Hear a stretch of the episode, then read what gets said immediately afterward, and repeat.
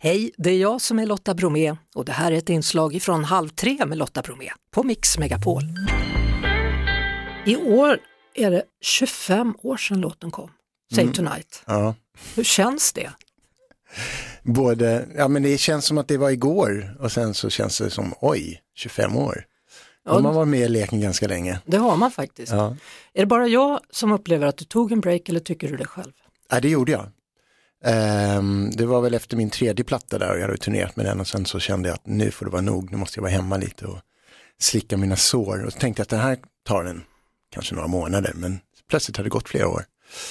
Ehm, så att det, var, det var väl också det här att man hade en bucket list och jag hade gjort allt jag kunde ha drömt om, så att det kändes väl okej ändå att ta en paus. Vad vad stod det på listan? Eh, ja, men jag hade ju, du vet, man ville ju få resa runt världen och spela sin musik.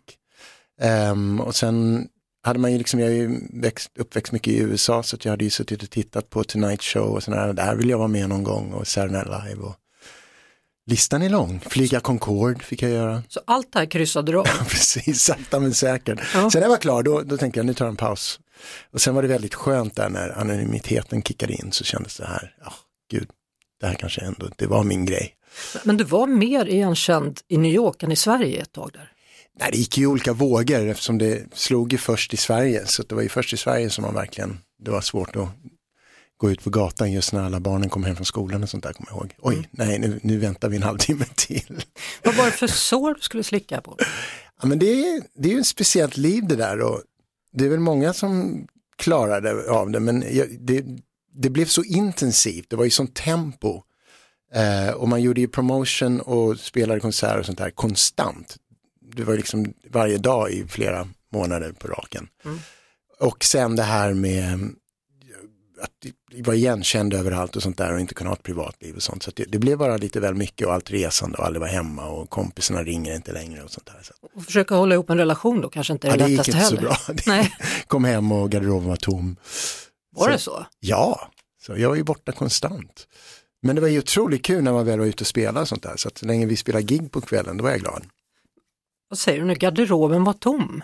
Var det hennes garderob som var tom? Ja, såklart. De Ja. tog inte mina grejer. Eh, Helena Sandberg, var det hon Ja, då? ja, Hon, hon precis. bara bestämde sig, nej nu drar jag, så kommer du hem så är det bara en tom garderob. Ja, man har ju såklart haft, haft en dialog. Ja, så vad- att- vilken tur.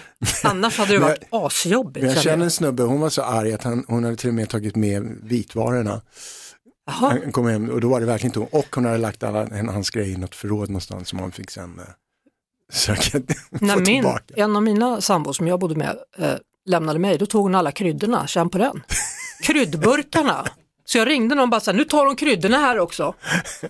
Vad gör man? Ja, jag ser det. Ja. Men det var länge sedan. Ja, det var länge sedan. Eh, skillnaden mellan att växa upp i Sverige och USA, du flyttade dit ganska ung ändå. Ja, det, alltså, Till New York. det, det, var ju, det kunde inte varit mer motsatt. För att i Sverige bodde vi ju i norra Skåne så vi var ute på landet där i skogen och levde hippielivet där. Och sen när vi var i New York då var vi mitt inne i den där New York City Madness och bodde grannar med Talking Heads och hade ett helt annat liv. Men när vi väl flyttade dit permanent då var jag, hade jag precis fyllt 13. Så det var faktiskt perfekt timing för att då började jag gå in i tonåren och eh, då var ju New York en väldigt bra stad att vara i. Bo granne med David Byrne, är det sant? Ja, han var den enda som inte bodde där. Min Resten av idol, band, ja, så att eh, Chris France och Tina Weymouth som spelar bas och trummor och eh, Jerry Harrison var i samma hus som oss. Fick du vara med dem? Ja, ja, men det var ju, det var ju sådana här industrilokaler som vi bodde i så att eh, det var musik överallt så att jag brukade gå ner och titta på när de repa och sånt där. Och ändå så blev det skådis du ville bli först. Eh, ja, alltså man spelade ju musik och sen hade jag börjat hålla på med lite teater. Vi hade startat en grej nere i Skåne, jag och mina kompisar, så vi gjorde en, en barnens dag-föreställning varje sommar och hade fått lite blodad tand där. Så att när jag kom till New York så började jag gå i såna teaterklasser på kvällarna och sen så provade jag in på School of Performing Arts, som då var Fame-skolan då och kom in och sen var det teater som gällde. Men det var ändå mycket musiker så jag spelade trummor i band och höll på med det vid sidan om. Men jag höll på att försöka bli en actor. Sen började jag jobba ganska mycket som skådis när jag gick ut skolan. Så att det funkade en stund, men så började jag sakna musiken. Mm. Tog- Tog det över. Jag tänkte på det där att, att du prövade att- att vara lite skådis där i början. Du var med i något Cosby-avsnitt. Ja, jag var med i två avsnitt tror jag det var, om jag minns rätt. Ja, hur var det? Innan han åkte dit Innan för sitt han beteende. försvann ja. Ja. Eh, Ja, men det, var, det var ju kul för att eh, ofta när man jobbade som skådespelare den tiden då blev det att man åkte till LA för det är där det mesta görs. Ehm, men Cosby show filmades i Queens, New York, inte långt från där min mamma bodde då. Mm. Så att det var ganska skönt att kunna gå till jobbet i stan på det sättet. Och en av klasskompisarna var Jennifer Aniston. Ja, Jennifer, Ja. Det jag ska var, till LA snart, ska se om vi ses eller inte. ja, ni har behållit kontakten. Ja, vi fick eh, kontakt igen. Jag, jag kollade på Insta och hade fått ett meddelande från henne. Och sen så när jag tittade lite nog, mer noga så hade det varit ett år tidigare. Så det var maj året innan som hon hade skrivit till mig. Så Ja. fick jag skriva sån här, whoops, sorry, missed this one. Eh, så att då, Har hon svarat nu eller ska hon ja, svara men om då ett hade år? vi en dialog. Ja. Så ja, vi vad har inte skönt. Mm. hörts på jätte- jättelänge. Så att då sa jag att nästa gång jag är i LA så hör jag av mig. Men du, är det så att man vet, liksom, med en del klasskompisar, så kan man ju känna liksom, den här personen kommer gå långt? Ja. Gjorde man det med henne? Eller? Jo, alltså jag tyckte, jag gjorde en, eh, en, en eh, kort pjäs med henne i skolan och hon hade väldigt bra timing med komedi, kände jag. Så att jag var inte förvånad när det hände, men vem det är som slår igenom, det, om man frågade liksom pedagogerna där, så hade de ju inte sagt att det skulle vara Jennifer Aniston. och inte att hon skulle bli så stor som hon har blivit, det hade man ju aldrig trott. Nej. Men om man hade frågat Talking Heads då, i den här fabrikslokalen, Mm. Eagle Eye Cherry, kommer bli stor en dag, vad hade de sagt? He's gonna go all the way. Ja. Ingen aning. Vad- vad- Men vad tänkte du själv? För det låter ju som du hade väldigt höga drömmar, både vad gällde skådespelarkarriären och sen musiken. Nej men alltså, man har ju drömmar, det ska ju alla ha. Ehm, och jag eh, var ju uppväxt i en väldigt kreativ miljö med mina föräldrar då, som pappa var jazzmusiker, min mamma var konstnär och sånt där. Så att det, det kändes ju ganska självklart att man skulle liksom göra något med sitt liv som var något liknande. Ehm, och då tänker man ju inte så mycket när man är ung att ja, det här är något som kanske inte kommer funka, man bara kör på. Och det är väldigt skönt det där tycker jag när jag tänker tillbaka på det. Att man, det var ingen fråga om vad man inte kunde göra. Liksom. Ehm, Men det är skönt att det inte fungerade tvärtom. En del säger ju att Ja. mina föräldrar, då kände jag att jag måste göra tvärtom. men eh, Så var det inte för dig. Nej, men då hade jag varit rebell, då hade jag väl blivit en snut eller en, Ja. en revisor eller någonting. Ehm, men, eh, men jag tror lite att jag bli, gick så in i skådespeleriet kan jag varit lite av liksom att det kändes som det var stora skor att fylla. Liksom. Vad säger man? Ja. Mm. Min pappa följde den. Så att då blev det ändå att, att teatern och, och sånt tog över en period.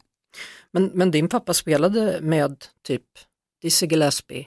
Eh, ja, eller han Lizzie umgicks var ju, med dem i alla tru- fall. spelade ju trumpet. Så att Ja, det var ja. många, andra- han blev, slog ju igenom någon som heter Ornette Coleman. ehm, och då var de lite som punk inom jazz när de började.